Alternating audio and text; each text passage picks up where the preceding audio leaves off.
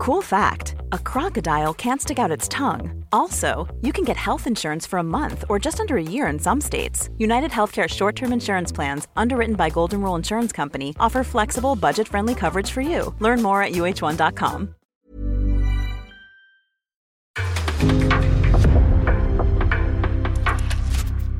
En podcast från Aftonbladet.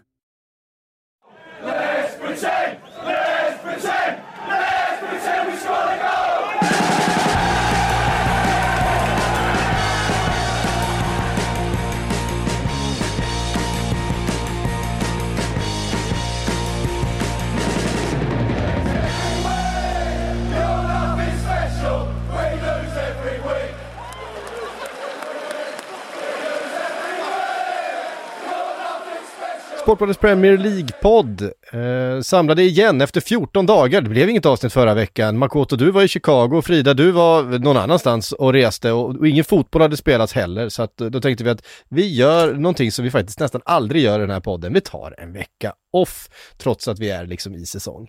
Ehm, så fick det bli, men nu, fotbollen är tillbaks, podden är tillbaks, Makoto är tillbaks i Sverige, i studion, Frida du är tillbaks i London. Det- det- Nej, jag är i Manchester. Nej, hon var ju inte Nej, tillbaka i London nej, det så vi det kom vi kom fram till. Du är i Manchester för du har varit på derby, men du var i London i helgen och såg ett, ett annat derby. Eh, det har varit tre derbyn till och med, även om ja, Palace, eh, Chelsea är ju är också ett tekniskt sett ett, ett derby, men vi har ju nästan ett London-derby varenda helg, eh, om man ska räkna in alla London-lag. Och sen har vi ju eh, dessutom Leicester mot Nottingham Forest ikväll. Så att, eh, Just ja, det, så eh, ikväll ja. Det är ett Midlands-derby där uppe. Så att, eh, En så kallad sexpoängsmatch också tidigt in på säsongen. Mm.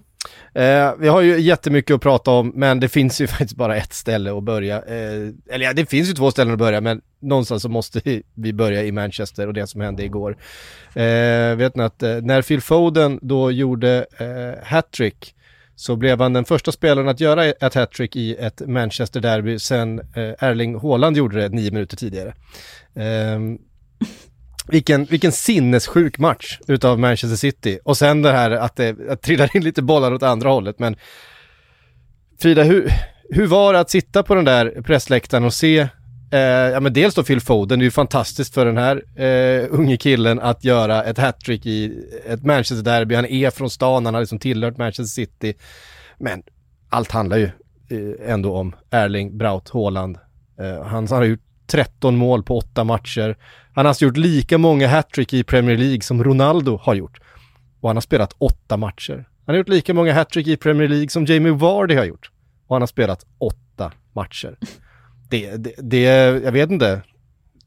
Hur, hur ska vi hitta ord för att beskriva det han gör? Han gör dessutom två assist, helt fantastiska assist i den här matchen. Ja, Vad är det för något Ja, det har att göra med? Nej, det är ett monster. Så, så enkelt är det ju på något sätt. Och med tanke på hur få touch han har i alla matcher också. Jag tror jag såg att han stod på, om det är 199 touch, alltså hittills under säsongen. Och 14 mål. Det är ju helt, eh, bara det är ju helt sanslös statistik och det visar ju också att han är så oerhört effektiv också. Med alla de här spelarna runt sig som håller sån otroligt hög kvalitet så han tar ju verkligen, verkligen tillvara på detta och ja, levererar på liksom, deras framspelningar också. Inte minst av Kevin De Bruyne som ju i och med Hollands intåg har fått en lite mer, ja men en lite djupare roll då jämfört med när han till exempel spelade mycket som falsk nia när de saknade en riktig, en riktig striker då. Och då ser man ju liksom att De Bruyne och hans samarbete där, det är ju... Holland vet att bollen eh, kommer komma och De Bruyne får dit den på något märkligt vis varenda gång. Alltså, ja men den... Den assisten han slår där fram till, till Holland, den var ju verkligen någonting, eh, någonting extra. Just det, just det där liksom att så fort han hamnar i de ytorna, De Bruyne, så, så, kan han, eh, ja, så kan han slå till med någonting sånt som Ja men som man nästan själv inte ser eller man tror inte att det är möjligt och jag tror inte att eh, Rafael Varan trodde att det var möjligt heller för att han, han var ju, eh, ja han var inte alls med i den, i den händelsen och ärligt talat så var ju faktiskt inte Manchester United med i den här matchen överhuvudtaget från start och det måste man vara när man möter City. Man måste vara påslagen från första sekund annars har man ingen chans överhuvudtaget och ja, det, de på något sätt så de blev ju statister, United. De bara, de bara tittade på medan City flängde fram allt de, allt de hade och då blir de svåra att stoppa. Det är ju på något sätt den här skillnaden som är idag. Alltså mellan United och City. Det, här det är ju egentligen inget överraskande resultat på något sätt. Att City, sen såklart, där City gör den här matchen är ju alldeles liksom gudomligt bra. Det Erling Braut Haaland har gjort sedan han kom dit. Absolut. Vi har, det var ju många, vissa som på, kände att ja, hur ska han leverera i Premier League? Ja, tji fick dem. Han kunde visst leverera ganska rejält i Premier League. Sen hade ju ingen av oss, även vi som var övertygade om att han skulle göra det, trott att han skulle börja på det här sättet. Alltså sättet... Alltså, hattrick, ja, tre hemmamatcher i rad. Ja, alltså han, han är ju den snabbaste spelaren att komma till tre hattrick i Premier League av uppenbarliga skäl på åtta matcher. Vet ni vad det tidigare rekordet låg på? Nej. 48 matcher. Det var ja. Michael Owen som hade, behövde det för att komma till tre hattrick. Det, det säger väl egentligen allt och det skulle inte förvåna mig om Haaland kommer upp i de här siffrorna som som vi såg Messi Ronaldo i sin prime göra i La Liga när man pratar om att ja men det är ju bara för att de spelar i en liga utan motstånd. Ja, Haaland kan komma upp i 50 mål utan problem den här säsongen. Mm. Och eh, det, har, det har inget att göra med att det skulle vara sämre motstånd eller något sånt. Det har med att han passar bara helt perfekt i det här laget. Han sätter varenda möjlighet han får och jag som också var inne på förut, alltså assisten han gör också, framspelningen till eh, Fodens mål är ju helt makalös den här från från vänsterkanten. Han faktiskt driver boll, det ska man inte mm. göra ofta det här City. Och spelar in. Och uh, nej, de... Helt, total utskåpning. Och United finns det väl en hel del att säga om, även om det här inte är överraskande att United förlorar som de gör mot City. Så finns det många frågetecken i hur, hur man agerar, hur, hur, liksom, vilken understöd försvaret får överhuvudtaget. Jag orkar inte ens prata om vilka det var som startade på mittfältet något mer. Men, ja, men... Hur kändes det? Alltså Casemiro sitter där. ja, men han drar in pengar och sitter där och har semester så att han, han, han har nog lugnt. Men, men alltså, jag, jag, jag vet, vi, vi jag förstår, ja, det är helt sanslöst. För om man tittar på vad Casemiro var duktig på i Madrid, ja, så fort det var någon ytterback eller något som flög fram, vem var det som täckte bakom? Jag var Casemiro som fick göra allting själv. Här har du ingen som täcker istället. Eh, Varann, Martinez, ja de vart ju helt utskåpade av Håland också. Han sprang ju i åtter runt om och hittade positioner och varenda liten yta som de inte kunde täcka. Men eh. Frida, vad är förklaringen egentligen? För att alltså det blir ju uppenbart att man pratar om det här. Jag menar, du har köpt in Casemiro som är uppenbarligen en av världens, jag skulle säga hela tiotalets bästa defensiva mittfältare. Eh, en spelare som är så van att möta motstånd på den högsta nivån och att förstöra en spelbild eller en, en, en matchbild för ett, eh, ett lag som, eh, som är bra. Han vet exakt hur han ska göra, han vet hur kommer det sig att han liksom inte spelar den första timmen i den här matchen? Han måste, alltså jag vet att frågan har ställts till Ten Hag. Ah, jag, jag begriper det inte. Nej, alltså, det, det korta svaret är väl att Ten Hag har varit väldigt nöjd med Eriksson, Eriksson, Eriksen och McTominay så här långt. Och ja, nej men jag kan väl hålla med också att om, om det är någon match man kanske vill spela Casemiro i så är det väl mot, mot eh, ett City då där man måste ligga väldigt kompakt och, och man förväntar sig att man måste försvara väldigt mycket. Men sen är väl en annan förklaring också att Casemiro var inte Ten Hags första val.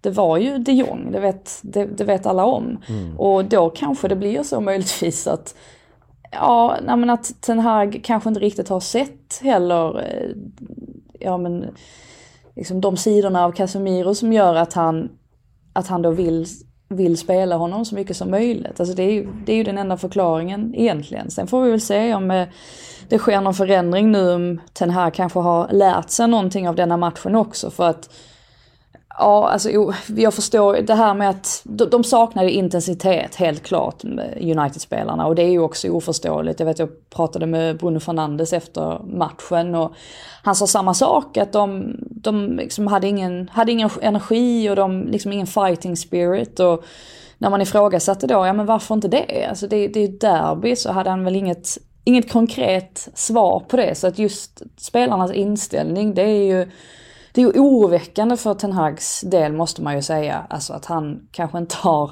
har nått fram då till, till alla än så länge.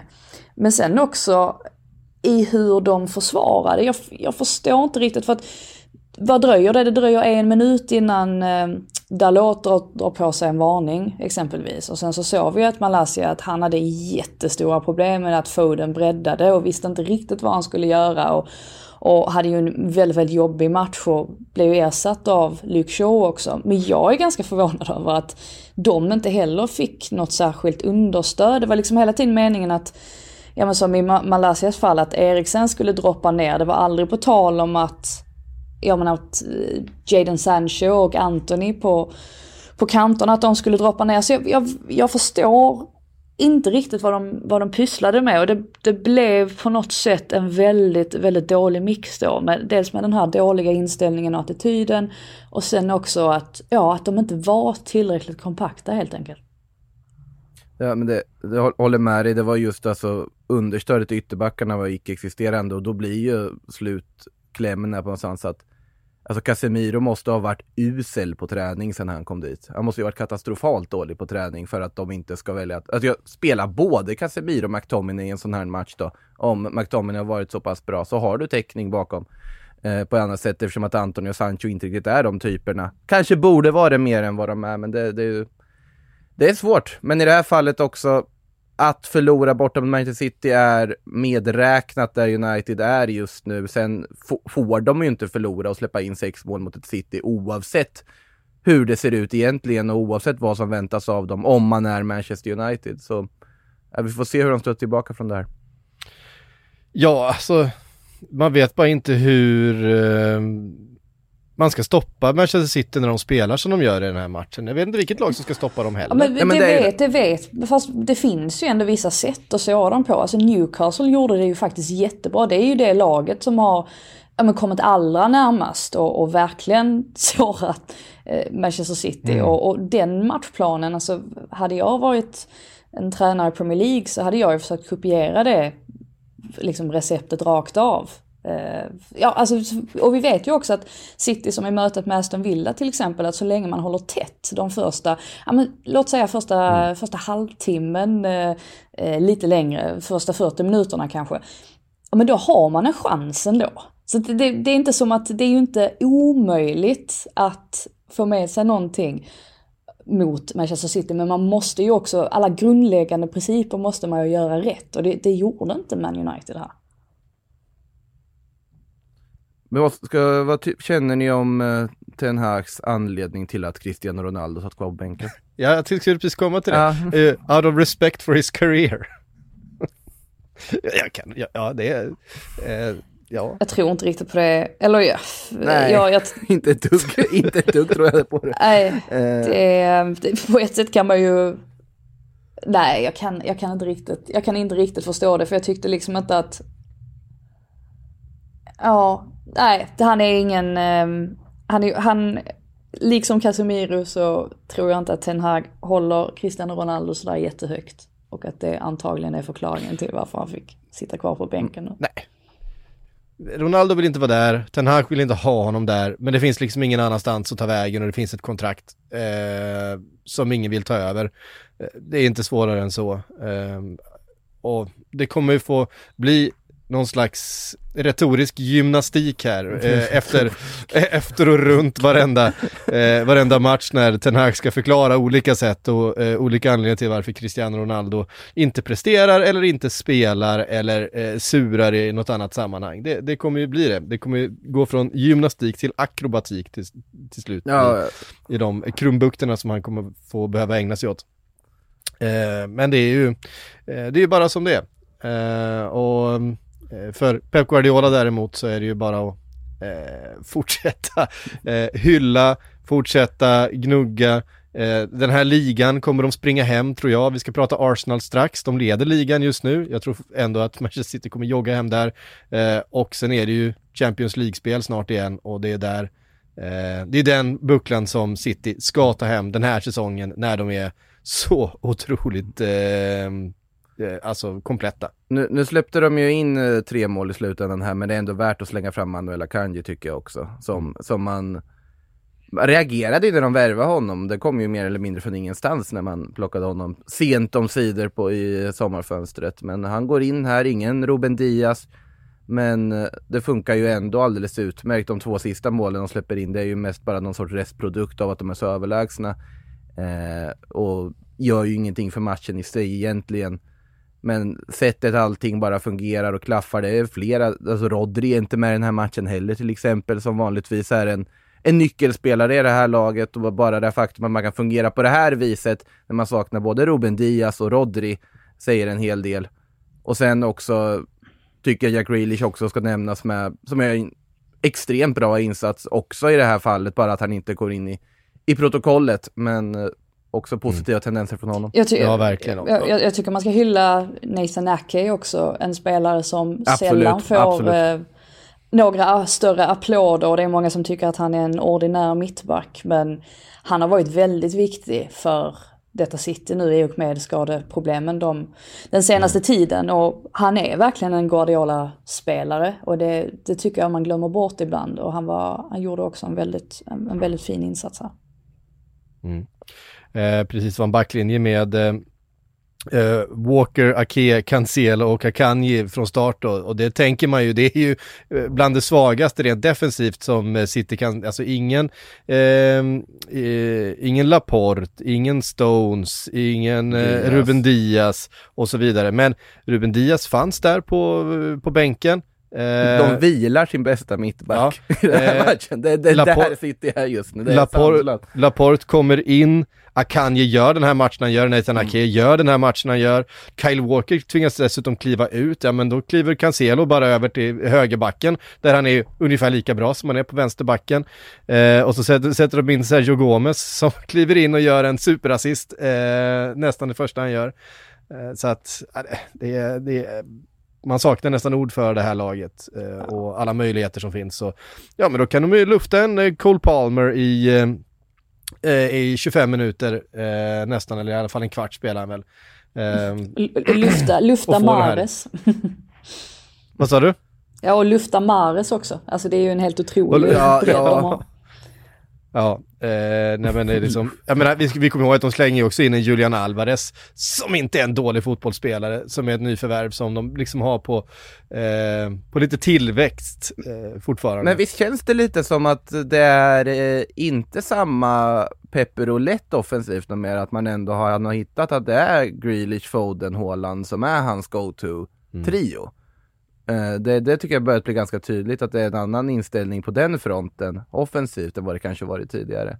Eh, vilket kan ha en del att göra med Mares svaga form också men Ja och att jag tror att han eh, känner att Jack Grealish behöver kontinuiteten mm. för att det finns ju en, en briljant fotbollsspelare där. Jag menar, ja. Går vi tillbaks ett, jag menar ett par säsonger så bara ju ett Aston Villa och kunde ju vända ut och in på hela lag på egen hand. Kostar en miljard också så att det är och kost, del i att... Kost, kostar en miljard och och jag tror att Pep själv har investerat ganska mycket mm. i, i den här värvningen och i att han ska fungera offensivt. Så han behöver nog den här kontinuiteten och få spela varje vecka och få förtroendet.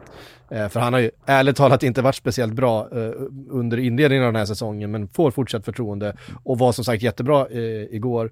Och ja, det är ju en, det är ju en fotbollsspelare eh, där i de där eh, bulliga vaderna. Och trots alla superlativer så leder inte Manchester City-serien just nu. Det, det, måste man ju också komma ihåg. Nej, och vi, vi, kommer alldeles strax till det. Eh, Dubbelt eh, illa för Manchester United då som fick se Varann kliva ut skadad. Victor Nilsson Lindelöf fick kliva in och spela Premier League-fotboll för första gången den här säsongen. Ehm, och faktiskt fick ju i alla fall komma in och spela den lite lugnare delen utav, eh, det stod ju redan 5... Det är roligt läge att komma in. stod det 5-1 eller sådär när han kom in? 4-0 var det väl va? Ja det var redan i första han kom in ja, 4-0 stod det. Mm. Ehm, ja så att eh, Manchester United vinner ju faktiskt eh, matchen från det att eh, Victor kliver in. alltså, nej, du, du, du, kan inte, du kan inte få den Det är Victor Lindelöf-effekten. det är Vigge-effekten.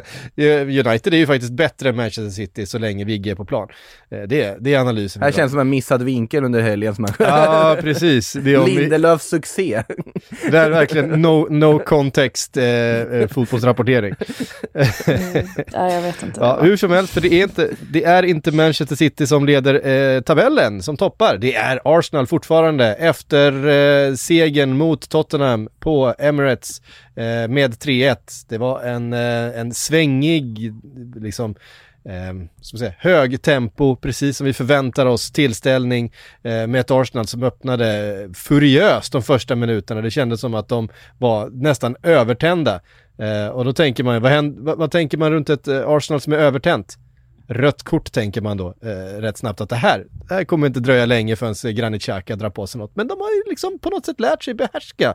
De har lärt sig behärska den här, eh, den här tändningen och de här känslorna utan att eh, dra på sig för mycket. Eh, Xhaka i målprotokollet igen, eh, jättebra match. Däremot så är det Spurs som drar på sig ett rött kort den här matchen, även om det, det, var, det, var inte det, det var inte det mörkaste röda kortet jag någonsin har sett, men, men eh, ja, Dobban är där och det, det ska väl vara rött kort antar jag. Vart vill du börja Frida?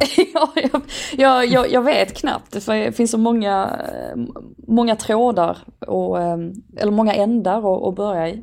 Eh, först och främst skulle jag väl egentligen bara vilja säga också att ja, men det, atmosfären i Premier League, särskilt bland storklubbarna, hånas ju ofta. Men både på Etihad i, igår och på eh, The Emirates i, i lördag så var det fantastiskt bra stämning.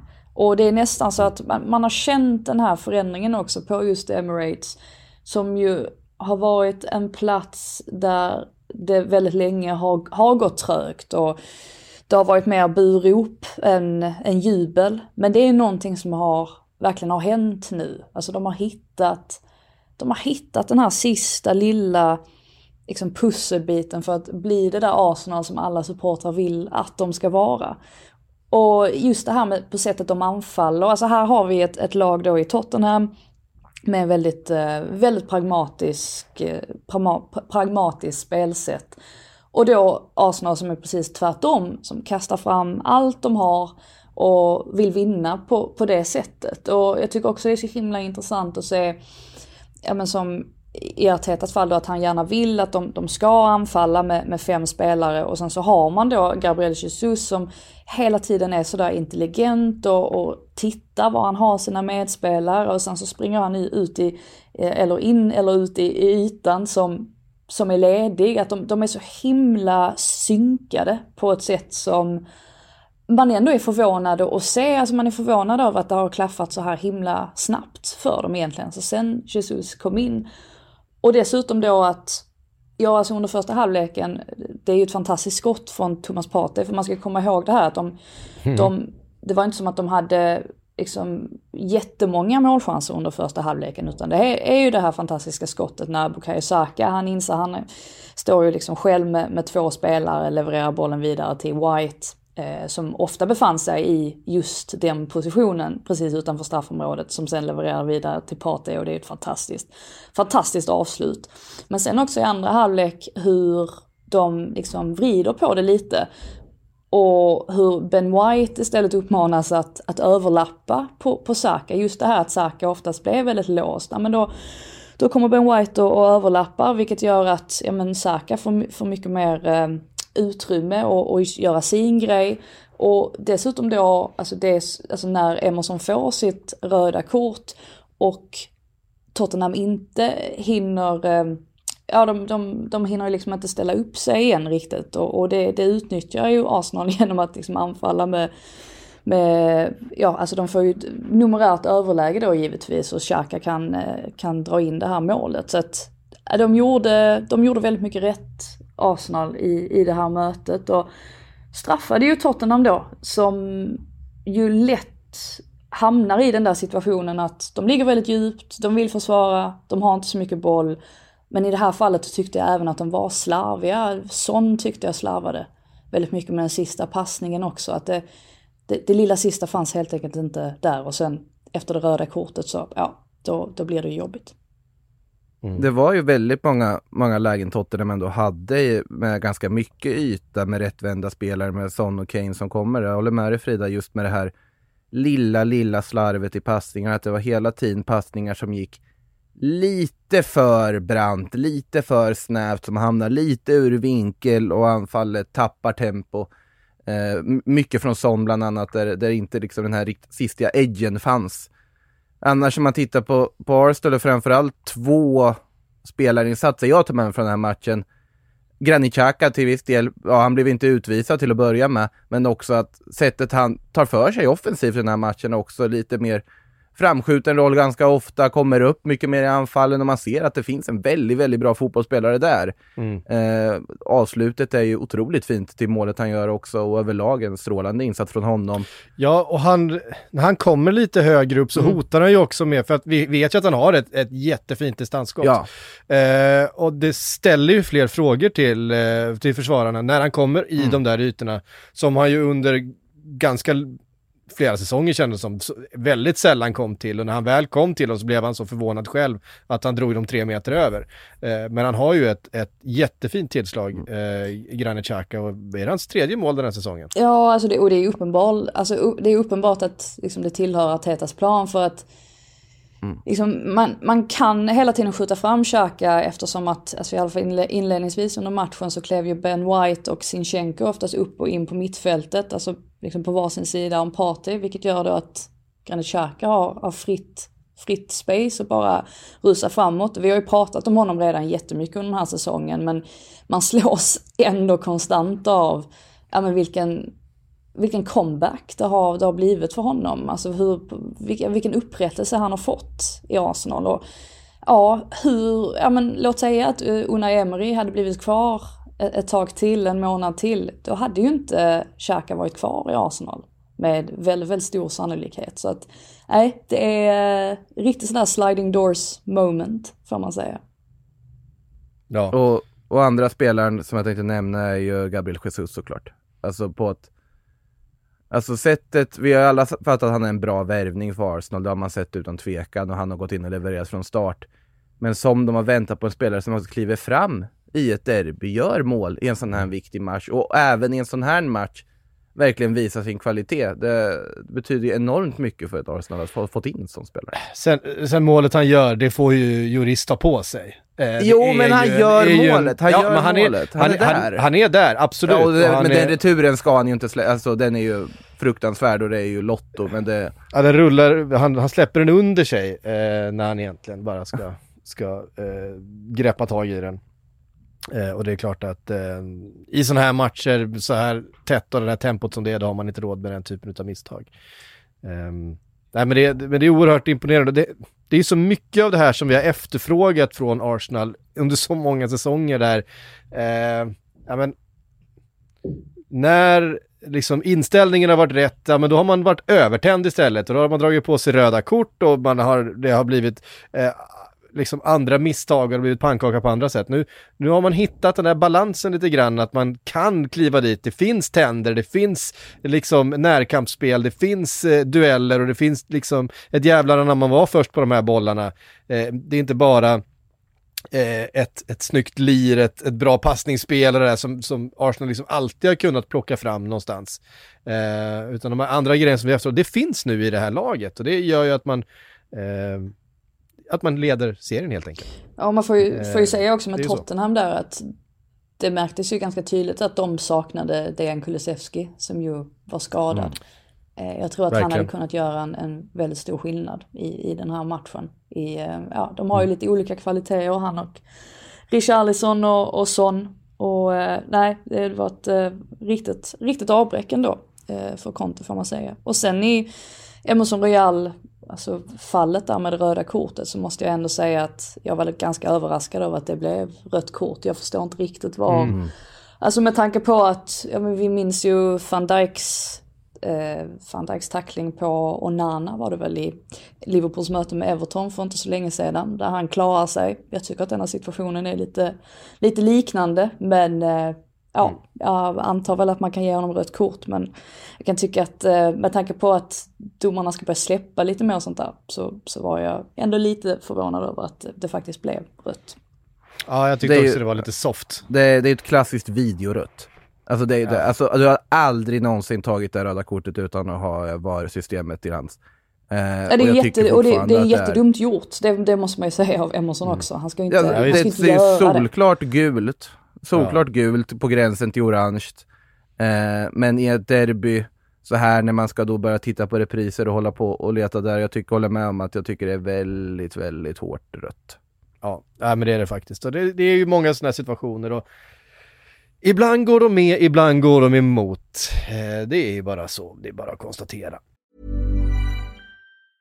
A lot can happen in three years, like a chatbot may be your new best friend. But what won't change? Needing health insurance. United Healthcare Tri Term Medical Plans, underwritten by Golden Rule Insurance Company, offer flexible, budget friendly coverage that lasts nearly three years in some states. Learn more at uh1.com.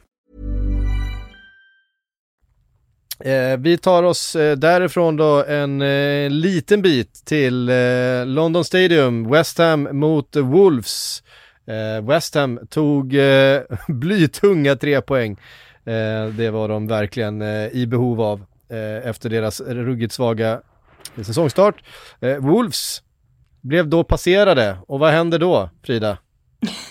då sparkar man tränaren. Ja, precis. Det, det är tydligen så man gör. Och eh, vad ska man säga om det egentligen?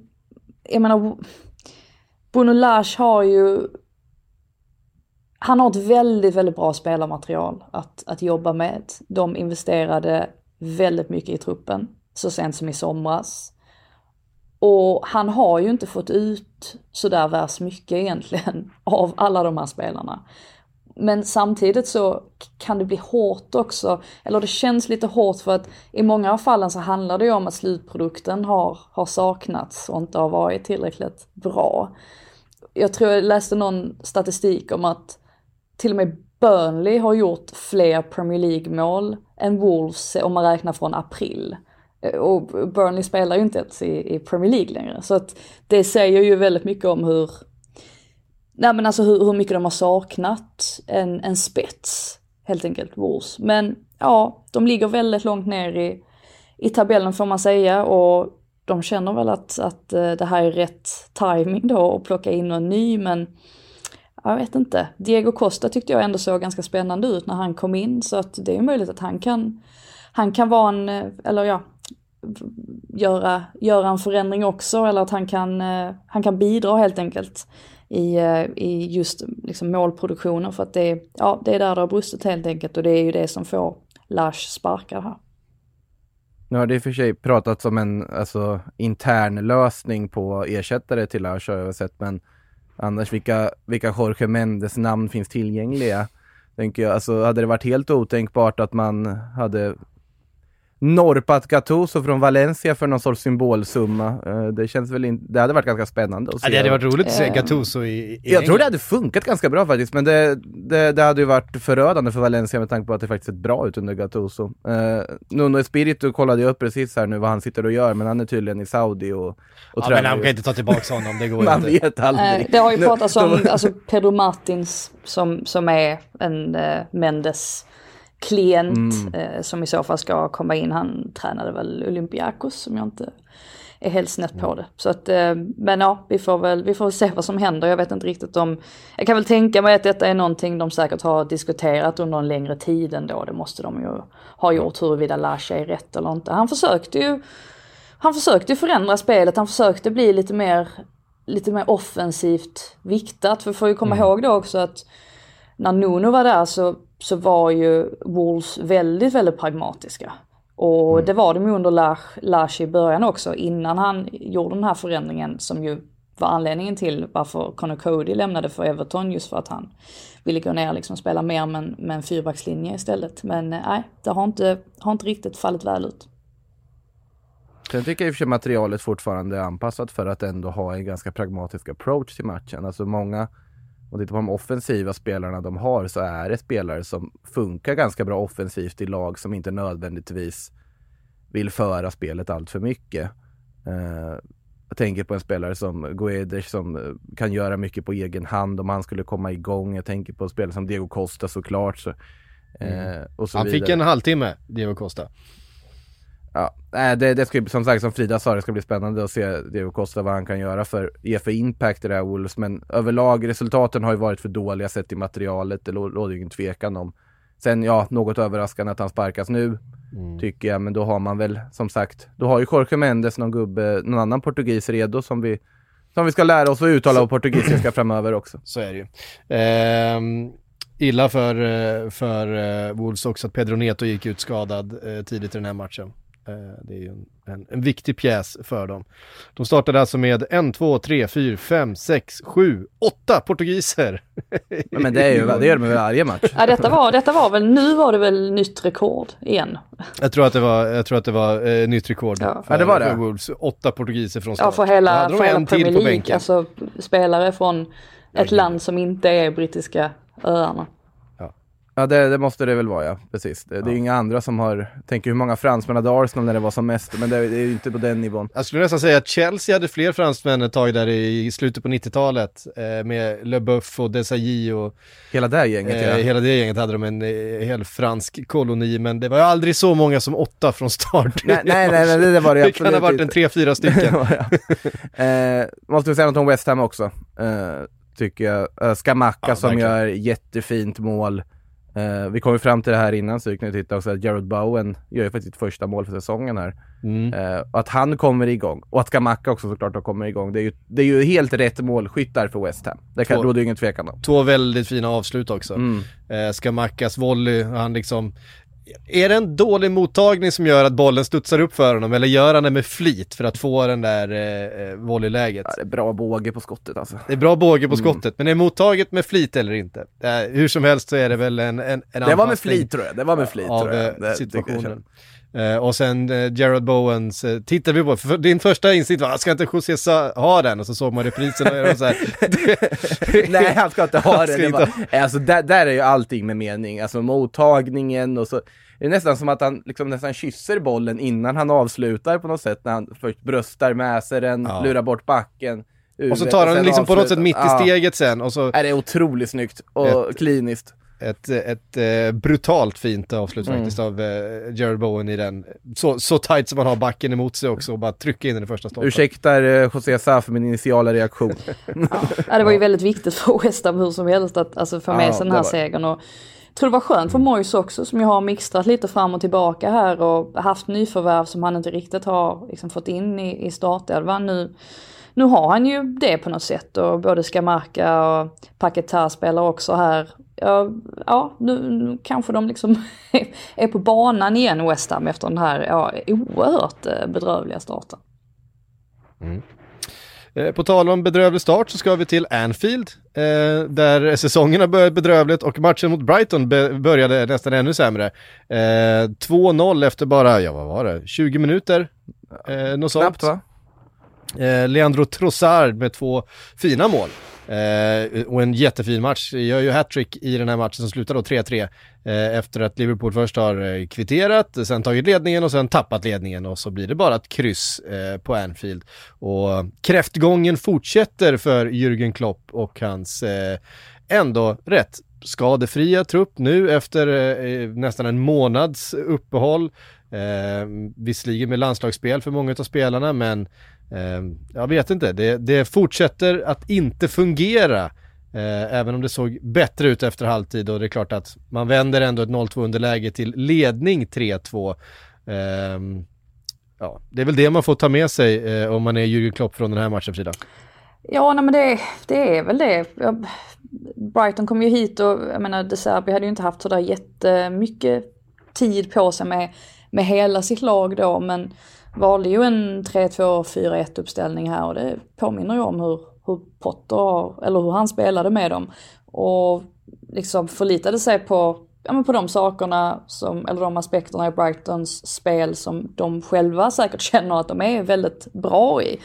Och jag var bara förvånad mm. över hur, hur de hela tiden tillät, för att jag menar Grås och Trossard, de hamnade ju liksom i de här ytorna bakom Liverpools mittfält och hur liksom de hela tiden liksom tilläts få bollen. Jag, jag förstår liksom inte riktigt vad de, vad de pysslade med och det var ju mycket i, i Liverpools liksom, spel som, som brast. Det, det blir ju så himla mycket fokus oftast på Trent Alexander-Arnold och särskilt nu efter att Gary Southgate inte vill ha med honom i, eh, i Englands trupp och sådär, då blir det ännu mer snack. Och det känns hela tiden som att det handlar om, oh, liksom, är Alexander Arnold är han bra eller dålig? Jag menar, Alexander Arnold är en jättebra spelare när han får göra de grejerna som han är bra på. Mm. I den här matchen så var det desto mer försvarsspel och han hade inte riktigt, han hade inte riktigt koll på vad han hade Trossard till exempel. Och, men, men det, det, var absolut inte bara på honom utan det var rätt många i det där Liverpool-laget som inte verkade veta riktigt vad de höll på med. Så att, eh, ganska, nej, jag, det är ganska sanslöst när man tänker på hur Liverpool avslutade förra säsongen och vart de är nu. Alltså det är så många nyckelspelare också och så många spelare som man har så stora förväntningar på som van Dijk till exempel som liksom inte alls är i, i form längre. Och det tror jag är, ehm, ja, de har ingen energi, så kan man väl sammanfatta det. Och jag tycker det är ganska oroväckande, just avsaknaden av energi för att du måste ha väldigt mycket energi om du ska liksom kunna avverka en, en matchplan som Klopp har satt, så är det bara. Mm. Ja, och det är väldigt mycket matcher framöver här. Det var inte mycket till rotation, men i alla fall vi såg en Fabio, Fabio Carvalho inleda till vänster i anfallet där istället för eh, eh, Luis Diaz. Nu fick Luis Diaz komma in i halvtid eftersom han då låg under eh, matchen. Ehm, och ja, alltså det är klart det finns en massa spelare där. Vi, vi, jag menar, Diogo Jota kom in, eh, Darwin Nunez kom in. Det D finns en Darwin massa... Nunez var väl inte jättelänge på plan i och för sig va? Nej, han kom, kom in i, i med sista minuterna där bara, men mm. eh, Offensivt så finns det ju väldigt mycket att plocka av, men det är ju inte offensivt som, eh, som problemen finns. Man gör tre mål i den här matchen. Och egentligen utan att Mohamed, Sa Mohamed Salah är också en spelare som är tvär ur form. Eh, jag menar, vi, går vi tillbaks ett år så är vi mitt i perioden när han gör drömmål mot Manchester City och gör drömmål i liksom matchen efter.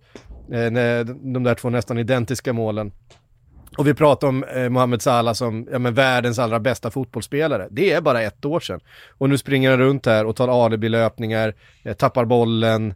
Eh, ja. Då hade han inte ett nytt kontrakt för ett år sedan men, men så, man, man vill inte tro, nej man vill inte tro att, det, så stor roll, man vill men... inte tro att det ska finnas sån mättnad, men det är så svårt att sätta fingret på vad som är egentligen är snett i Liverpool på så vis.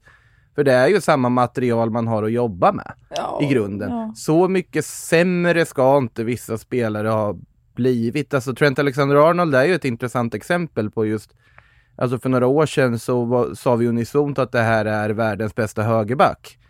Eh, och det säger väl också en del om hur lite individuella alltså utmärkelser på något sätt betyder i fotboll, hur mycket de har att göra med kollektivet.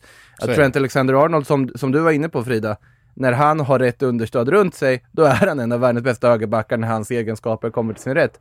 Men när han blottas, det vill säga man får utnyttja varenda yta som finns bakom honom och hans defensiva brister belyses som de gör just nu när han inte får understöd från de andra, ja då ser han absolut inte ut som världens bästa högerback och knappt, platta knappt i ett engelskt landslag. Och det, nej, nej och, det, och det handlar ju om att han, alltså, om det är någonting jag har liksom lite problem med gällande honom, för att jag vet att det är jättemånga som kommer att sitta och lyssna på detta och menar på att, ja men mm. hörde inte Klopps försvarstal, liksom, där han menade på att eh, liksom, Alexander Arnold har den rollen och jag, precis som jag var inne på tidigare, jag fattar absolut det att, att när Alexander mm. Arnold är i sin, ja men får liksom, ja men som sagt, får göra det han är bra på då är han en fantastisk högerback. Men problemet är att han ofta blir eh, reaktiv istället för proaktiv i, i sitt försvarsspel. Att han, han, han är liksom inte steget före. Han var verkligen inte steget före Trossard utan han tittar liksom inte han tittade knappt bakom, bakom ryggen var han hade Trossard. Och sen så, ja men så upptäckte han det för sent och, och då blir det som det blir. Alltså det, det är den biten där jag känner att han vill, han borde kunna bli bättre. Men eh, ja, och sen så i Southgate-fallet, ja men han är ju inte med för att Southgate spelar inte som Jürgen Klopp spelar. Så är det bara. Nej. That's it. Alltså Southgate är i, i mitt tycke ganska tråkig dessutom. För att han är mm. rätt cynisk och han liksom gillar att ligga i försvarsläge snarare än den här liksom offensiva kraftmaskinen som Liverpool ska vara.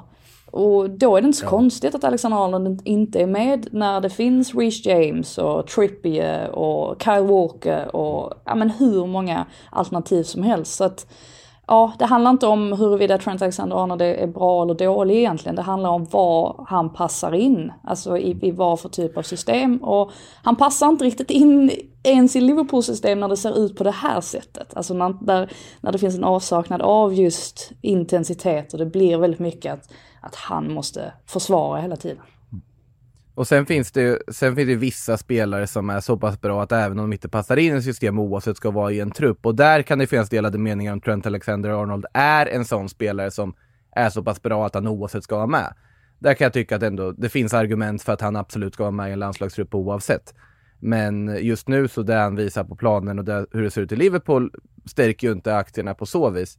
Sen tänkte jag, du nämnde det, att offensiven inte är problem. Jag känner ändå att det finns väl ändå ett visst bekymmer där också i att... Framförallt det finns ett bekymmer runt Mohamed Salah. Eh, det gör det ju definitivt. Sen, men det jag menar är att det finns där finns det spelare, men jag tycker Luis, Luis Diaz har varit bra den här absolut, säsongen. Absolut. Roberto Firmino har ju sett bättre ut än vad han gjort på, på ganska länge.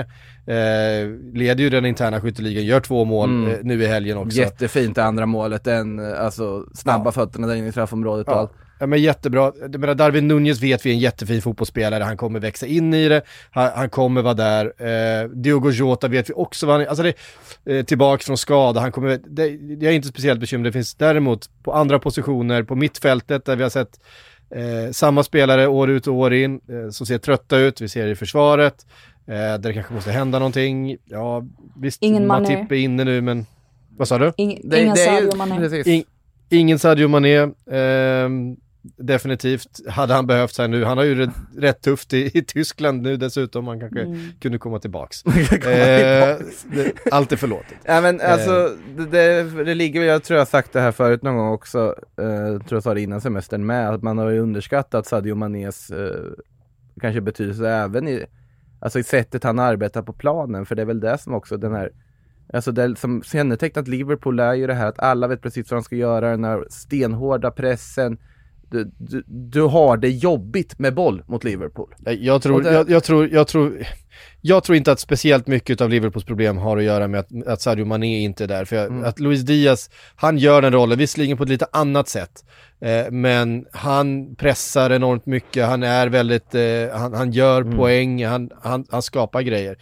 Jag tycker det stora, stora problemet är ett, eh, van Dijk är inte i form, han ser sliten ut. Eh, Fabinho har spelat ganska många säsonger nu och spelat väldigt mycket fotboll, ser inte heller speciellt pigg ut, han, han står felplacerad rätt ofta. Jordan Henderson har absolut inte benen han hade eh, för ett par säsonger mm. sedan. Det är liksom kombinationen av att det är ett eh, flertal spelare som helt enkelt ligger en meter eller två ifrån där de var för ett par säsonger sedan, blir eh, för bräckligt för ett Liverpool som spelar på ett väldigt, väldigt energikrävande sätt där du måste sätta de här grejerna, du måste sätta din press, du måste vinna din duell, du måste göra det här för att systemet ska funka, eh, annars så blir man liksom, alltså täcket igen, eh, du måste lämna antingen näsan eller fötterna kalla va. Eh, och det är ju rätt uppenbart att eh, du känner inte igen den här, eh, alltså filten räcker ju bara till en viss del av kroppen. Eh, du, måste, du, du, måste alltid, du, du måste alltid var kommer den här, du känner igen den här Frida, du vet vad jag pratar om. Um, va, va, förlåt, i... vad sa jag lyssnade inte riktigt. jag, har inte så bra, jag har inte så bra täckning så att ni försvinner, ni försvinner emellanåt. Så det är ibland är det lite svårt att hänga med. gjorde en liknelse över en filt. Ja men den klassiska filten, antingen så fryser du om näsan eller så fryser du om ja, tårna. Ja, precis. Eh, och det har ju varit, varit väldigt uppenbart att, att, att Jürgen Klopp har prioriterat att de måste sätta offensiven, de måste sätta pressspelet, så lämnar vi de här blotterna bakåt. Det är liksom en kalkylerad risk så länge vi gör jobbet på andra delar av mm. planen. Men när det finns spelare som inte har fötterna längre, eller benen längre, eller har positionsspelet eh, riktigt och det här inte sitter, ja men då blir ju de här, den här kalkylerade risken, eh, då svänger ju liksom eh, nyttan mot risken över på fel sida. Och det är det vi ser nu och så lyckas man, har man inte riktigt något annat spel att falla tillbaks på. Eh, man kan inte ta ett par steg tillbaks och liksom bygga från försvaret igen utan eh, då måste man på något sätt försöka hitta tillbaks till sitt spel. Och dessutom med kvalitet. Eh, och det är mycket svårare ja. att göra såklart. Ja. Och det är ju eh, den stora liksom risken för den här säsongen nu, att man inte hittar tillbaks till det här spelet. Att de nyförvärven som har kommit in, om det då är Carvalho eller, eller Nunez eller eh, Artur eller så vidare som kommer in och sku, att de då inte är inspelade i det här men de måste spela, då kommer de här eh, liksom bristerna bli blottlagda varenda vecka och så får man då hoppas att man eh, att Alisson fortsätter göra liksom dunderräddningar, för då gjorde han några stycken i den här matchen också. Um, ja, Ja, det ser inte jättebra ut. Det gör det inte. Och eh, om man då ska dra tillbaka till liknelsen i och med att kvalitetstappet har funnits så har alltså filten krympt i tvätten då så att en ännu mindre filt man har att jobba Nej, med. är bara, den gör inte det den, eh, Ja, den, ja. den ska. Men Det är Ehm, väldigt spännande på söndag kan vi konstatera i alla fall. Det är väldigt sällan man har varit, känt så här ovisst inför, eller Jo, visst. Precis, vi är ja. ju där, hela podden är ju på plats på Emirates och ser Arsenal-Liverpool på söndag. Eh, tillsammans med alla ni som eh, ska följa med oss då på Premier League, eh, Sportbladets Premier League på oss resa till London. Eh, för er som känner att oh det där skulle jag vilja åka med på så är det tyvärr, biljetterna är slut. Eh, vi är fullt gäng eh, som ska till London men vi, det kommer fler resor framöver hoppas vi. Så att ni får hålla utkik eh, när vi drar nästa gång. Det kanske blir en vända till, eh, till våren också, det vore kul. Eh, Man får i alla fall men säga att finns- Arsenal definitivt är favoriter i den matchen. Det kan man ju hugga det får man säga på förhand. Verkligen, och går vi tillbaks ett år så eh, hade det sett helt tvärt eh, om ut. Jag vet inte när, vi får gå tillbaka ganska många säsonger eh, för att hitta en situation där Arsenal var så här stora favoriter mot Liverpool faktiskt. Eh, Det får vi nog göra. Men så är det. Vi måste vidare, eh, för det spelas eh, även fotboll på annat håll i London. Ehm, eh, vi ska till eh, Gallagher-derbyt. Selhurst Park. Eh, Gallagher-derbyt ja. Eh, och det blev Gallagher som avgjorde till slut. I sista minuten eh, så slog han till Conor Gallagher och gav eh, segern till eh, Chelsea. 1-2 efter att eh, Edouard eh, inlett målskyttet efter bara sju minuter och eh, Aubameyang klivit in i handlingarna här i Graham Potters eh, Chelsea. Eh, han kommer ju för att få spela med Tuchel igen, Aubameyang. Det blev inte så mycket av det. Eh, det blev 30 minuter i en Champions League-match och sen så var det eh, tack och adjö till, eh, till Tuchel och in har Graham Potter kommit och ja, det finns väl en del frågetecken kvar runt eh, Chelsea också, eller vad säger du Frida? Jo men det finns det. Han har inte riktigt, eh, ja han har inte riktigt hittat, ja men han letar ju lite just nu, Potter givetvis, och han mixtrar lite fram och tillbaka och inledde den här matchen i ett 4-2-2-2 och det förklarade han väl delvis med att eh, Kukureya inte var tillgänglig så han spelade Chilwell istället. Men han ändrade också på denna formation så det blev mer en, en 4-3-3 efter ett tag. Eh, så att ja, Mount droppade ner lite, lite mer för att det är ganska tydligt att Chelsea har problem på det centrala mittfältet just nu och har ju faktiskt haft större delen av säsongen också i och med att Kanté är, är skadad och ja, Jorginho jag gillar Jorginho jättemycket och, och tycker att han liksom kan vara en fantastisk spelare men han är så himla långsam och då blir det väldigt enkelt också för motståndare att straffa honom. Och Kovacic som också tycker jättemycket om han har inte riktigt sett sådär slagkraftig ut som han gjorde förra säsongen. Man väntar fortfarande på att han ska liksom pika formmässigt. Så att det blev ganska tydligt att de behövde understöd där och just därför så, så ändrade han lite på, på formationen. Det viktigaste egentligen här för dem var ju såklart att få med sig de här tre poängen. Och eh, ja, det var lite, nästan lite gulligt att se att Gallagher, han försökte ju att inte fira det här målet såklart av, utav respekt för eh, eller mot Palace-fansen, men han kunde inte låta bli att le i alla fall. Och det är klart när man drar in ett sånt mål också på det sättet i, i slutminuterna. Jag tror framförallt att han behövde det, det här väldigt mycket. Han har också haft en, en usel start på säsongen, inte minst då när han blev eh, utvisad mot Leicester. Så att, eh, nej, det var säkert väldigt, väldigt skönt för honom att eh, få bevisa sig här. Man lider ju med Crystal Palace lite ändå att släppa in det här målet. att just Gallagher gör det såklart också, men alltså, de gör ju en jättefin match och överlag tycker jag att de, alltså, säsongstarten de har gjort, eh, de ska inte vara på 17 plats utifrån det vi har sett spelmässigt. Jag tycker verkligen inte de har fått med sig poängen de borde ha utifrån insatserna de har gjort. Det, det måste jag säga. Jag lider lite med dem och framförallt då att tappa en extra poäng här nu i, i sista minuten som de gör. Men såklart var det ju jätteviktiga tre poäng för Chelsea också. Ja, extremt och Det var ju den här Eh, de situationen med Thiago få- Silva också som kanske får, får lyfta. Ja, precis. Ja. Kontroversiellt. Eh, frilägesutvisningsscenario där han ju inte blir fälld, men tar bollen med handen och stoppar där eh, anfallet för eh, Palace. Och det ska ju vara rött kort tycker jag. Jag förstår inte varför de släpper det. Det är så spelförstörande och eh, målchansutvisning så att eh, jag vet inte vad jag ska bli av. Jag hatar när spelarna gör så här. Jag tycker det är cyniskt och vidrigt. Eh, ut med skiten. Ja, jag tycker det. Jag, jag, jag gillar ju det, men det en annan sak. Eh, Du är ju Real Madrid-supporter också. Alltså, när, vad heter det, när, ja, alltså när de börjar titta på det, såklart då ska det ju vara rött på att han stoppar. Och det finns ingen intention att ta någon boll utan såklart att det är det. Men, eh, ja, det är en svår situation hur mycket, hur mycket lägger han sig själv i den situationen? Men då har du bedömt att han har gjort det i och med att du ändå ger honom gult kort. Så att ja, Man får ju tillägga också att det är ju Thiago Silva som slår den här fantastiska passningen fram till Aubameyang Mm. också. Så att, eh, ja. Bara liksom fem minuter senare. Mm. Eh, ja, nej, jag, jag, jag, jag tycker det, det är ju rött kort alla dagar i veckan, jag förstår inte vad. Men vi är där igen, det spelar ingen roll om man har VAR, eh, därför att det det gör det verkligen. spelar liksom ingen som helst jävla Och roll. för Emerson Royal spelade det roll. Ja, det- det- där spelar det jätte- ja, igen, men, liksom, Men ja. det, det är som sagt överlag så nej, det är bara en förlängd arm som jag inte tycker nödvändigtvis behövs. Och det, Måste, måste, Mm. Men vi får- måste också bara slänga in det här med att man fortfarande sitter och väntar på att Kai Havertz, att det ska hända någonting där. Det, ehm, han gör ju alldeles för få mål, det, det vet vi om. Men och det kom, det, det släpper liksom aldrig riktigt för honom på något sätt. Och frågan är om det liksom någonsin kommer att göra det. Man hoppas ju det för, för Chelseas skull och för Potters skull, men Ja, det, de gör ju för få mål. Eh, eller de har för få målgörare helt klart. Så därför var det väl skönt också att eh, se att Aubameyang drog in ett. Ja, det är verkligen. Eh, nej men det är ju därför, därför han är där. Eh, och det behovet eh, ska han ju liksom fylla. Vi tar oss vidare till, eh, inte så långt därifrån, men till eh, Craven Cottage, Fulham, eh, fick pisk av Newcastle. 4-1 blev det efter eh, mål, två mål av Almiron. Bara en sån sak. Det är inte så ofta han, han gör mål, men när han gör det så är det snyggt.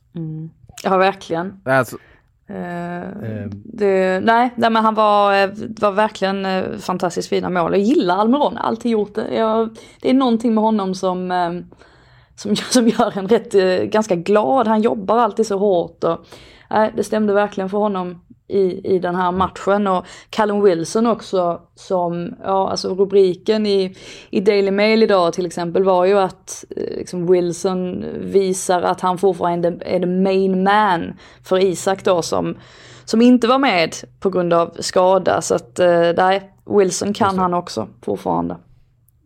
Får ju säga det att, jag menar, Chaloba tar rött kort här efter åtta minuter. Eh, Mitrovic går ut skadad efter, det, var det, det? var, det var ett rött kort dock. Ja det var, det det, var det var rött, det, det, det, det var kändes ganska klart. riktig, riktig, riktig idiotgrej. Ja. Ehm, och ehm, ja, nej men mer uppförsbacken så kan man ju inte få eh, om man är Newcastle, eller vad säger om man är Fulham eh, mot, mot Newcastle så här, så att det, nej, det var inte mycket att snacka om, det var inte deras, eh, inte deras eh, dag helt enkelt. Håller med om att det var kul att se Almiron i alla fall i, i målprotokollet där en, Mm. en spelare man om, man om man ska vara lite hipstrig här nu, gillade redan i MLS-tiden när han, han eh, bildade sydamerikanskt radarpar där med Josef Martinez i Atlanta. Ja, ja precis. Eh, också fint att eh, det var Longstaff som åkte på den här eh, brutala tacklingen då från Chaloba som... Eh, Fint också- att det var Långstaff som åkte på tacklingen. Nej, det var fint, men att han, det var han som, att han fick göra mål sen. Ja, det Ehm, så såklart. Att han kunde spela vidare och hade en, eh, en bra dag på jobbet trots allt. Hade kunnat eh, sluta ganska mycket värre efter den, eh, efter den satsningen från Chaloba. Det var inte, inte vackert. Eh, vi hade eh, också, vi tar oss vidare här lite snabbt, ska svara på frågor också. Bournemouth-Brentford 0-0. Ja, Ja, nej, vi hör eh, mycket att syrsorna. säga om. Alltså, det, det, det var väl en bra pinne för Bournemouth? Alltså, så Ja, ja, absolut. Det ser väl ganska okej ut med- till vad man trodde om dem. Överlag, måste man säga. Ja, det är Ja, frågan nej, liksom om var- hur, hur länge det kommer hålla ändå. Jag, jag är också jätteimponerad över liksom, O'Neill och, och, och sättet de, nej, men att de verkligen nej, att de verkligen spelar som ett lag och de, de går in med inställningen att de verkligen ska försöka. Men det är frågan ändå alltså om det kommer eh, vara tillräckligt för att hålla sig kvar i Premier League. Tycker ändå de ser ganska ja, att de har sett lite, lite, lite svaga ut. Men ja, vem vet? Han kanske, han kanske lyckas, det verkar ju nästan som att han får behålla jobbet permanent nu i alla fall. Truppen ska egentligen inte hålla, det, det, så är det ju om man tittar på pappret. Men uh, insatserna på plan tyder ju på att det, det borde kunna bli, bli bra. Sen är det många andra lag som har desto större problem. Så att, men det beror ju lite på när väl den här slumpen kommer, hur allvarlig den blir för Bournemouth och hur, vad andra resultat ja, alltså jag... blir dessutom om man blir indragna. Ja, men, precis, men jag tänker väl mest också på att Leicester till exempel, de, de kommer ju bli bättre. Och eh, Nottingham Forest, jag är inte lika säker på dem, men de har ju så pass mycket kvalitet nu i alla fall att de borde kunna bli bättre. Och Wolves som vi väl förväntar oss ska få ut mer av sitt spelarmaterial. Mm. Då är det inte så många andra lag kvar som man kan tänka sig liksom ska trilla ut. Särskilt, särskilt inte nu när Everton också har fått liksom, ny ny fart under fötterna. Så att nej, just det här eh, ja, men bottenstriden blir också väldigt spännande att, att följa ja, den här det, säsongen. Ja, det blir otroligt spännande. Det blir, eh, det blir en rysare verkligen. Eh, vi hade också 0-0 mellan eh, Leeds och Aston Villa. Även om, alltså det var ju synd på Coutinhos, eh, såg ni den? Liksom hoppande volleyn eh, med bredsidan träffa i kryssribban. Det förtjänade att bli mål, eh, det tillslaget. Men eh, så blir det inte alltid. Eh, ganska, ganska mycket liksom mål eh, vad säger du, kan jag inte prata, chansrik match trots mållöst skulle jag säga. Eh, ja. Nej det var, det var en svår eh. mening, var därför jag, eh, jag blev imponerad av att du ja. Eh, kunde. Ja men Aston Villa, det var Leeds, det kändes som att eh, Aston Villa, trots att de har inlett lite knackigt, ändå klev in här med visst eh, favoritskap inför den här matchen. Eh, Leeds är ju svajiga alltså. Eh, och ja, de pepprade målet framförallt i andra halvlek. Det fanns eh, gott om lägen men, men 0-0 blev det och det var väl eh, Leeds som, eh, det är väl Leeds som ska vara gladast över det. Inte minst då med tanke på den bollen som tog i kryssribban från eh, Coutinho. Är det nästa vecka som Pochettino tar över då? Efter förlust mot Nottingham borta? Eller hur länge till ger vi Gerard? Ja precis, ja, men eh, det måste ju komma en förlust där. Nu eh, drog ju Sinisterra på sig ett andra gult kort där och det blev ju en, eh, det var ju ändå eh, Aston Villa fick ju dominera sista, mm. sista eh, 20-30 minuterna, så man gick ändå därifrån från matchen tror jag. Med känslan av att vi var det bättre laget, ja, men vi skapade mycket målchanser. Ja, det blev bara en poäng idag, det kan hända liksom, men eh, ja. de, de, är inte ute ur, de är inte ute ur skogen än så att säga, eh, Aston Villa. Nej, det är för dålig inledning utan tvekan sett till vad de har för material och det vidhåller jag att de underpresterar och gjorde det under hela förra säsongen också utifrån vad de borde göra med resurserna, truppen och allt som är på plats där. Mm. Buendia bäst på plan när han kom in, så han lär väl sitta på bänken nästa vecka. ja, precis. Det är så det funkar. Eh, Southampton-Everton 1-2. Viktiga poäng för Everton som nu har eh, klättrat upp ur eh, bottenträsket. Ligger nu på samma poäng som Liverpool. Bara en sån sak. Eh, ligger på 10 poäng båda två. Eh, det är ju sanslöst. Det är ju sanslöst. Eh, Everton som vi eh, hade krisstämpel på inför, eh, hade krisstämpel på en bit in i den här säsongen men eh, har nu klättrat upp på den där elfte platsen. Eh, och ja, men det börjar väl se lite bättre ut. Eh, Southampton, mm, det, eh, det kommer bli en tuff säsong tror jag för det här unga Southampton men eh, blytung seger för, för Everton Frida. Ja, nej men verkligen. Och återigen det här med ja, men inställning. Alltså Everton har verkligen visat fantastisk inställning på sistone. Och, ja, nej, de, och de får verkligen, då får man med sig poängen också i, i många matcher. Så, så enkelt är ju fotboll i, ibland. Och just det här med, ja, med Conor Cody och Tarkovsky har också varit väldigt bra mm. att få in dem, få lite mer, ja men, en mer stabil defensiv. Så att Nej, alltså Frank Lampards, eh, vad säger man, record, eh, facit nu är ju, är ju faktiskt väldigt, väldigt bra. Jag, jag tror jag läste någon stat som att ja, men de inte har vunnit så många matcher i rad sen, eller gått, gått förlustfria så många matcher i rad sen Carlo Ancelotti var där. Ja, eller om det var ännu längre tillbaka. Nej, hur som helst så har de ju verkligen kommit på banan igen får man säga. Ja, precis. Eh, och bara det att det är Eh, alltså Connor Cody i målprotokollet igen. Han, han, han, petar in lite bollar då och då nu för tiden. Det, det dröjde ju en, flera säsonger innan han gjorde sitt första mål då i, i Wolves, men, eh, sen nya... dess så har ju liksom då, kran, när kranen väl är öppen va, eh, då, då fortsätter det komma det, grejer. Det är Goodison Cody, det är nya Ja, precis. Och Dwight, och Dwight McNeil med, är det hans första mål i Everton-tröjan? Det måste det väl vara va? Han kan väl inte ha gjort något innan?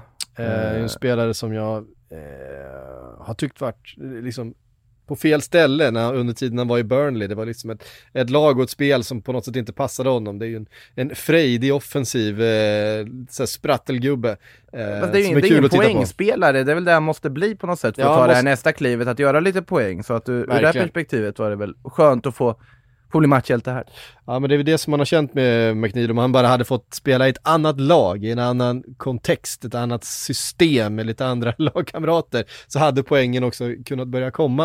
Eh, nu är väl kanske inte eh, Everton, Everton varit det så här långt, men kanske kan bli. Det finns ju gott om, finns ju gott om spelare fortfarande i Everton som, Typ i De Cherbis Brighton hade det varit kul att se honom. Ja, verkligen.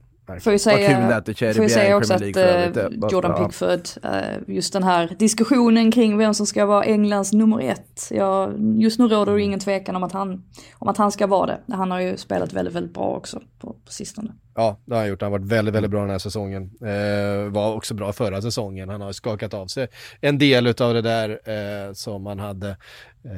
han har inte vuxit, men han kompenserar ju för det genom ett lite mer alltså så här, balanserat positionsspel och, och, lite bättre beslutsfattande eh, som ju också var eh, problem han har brottats med under åren.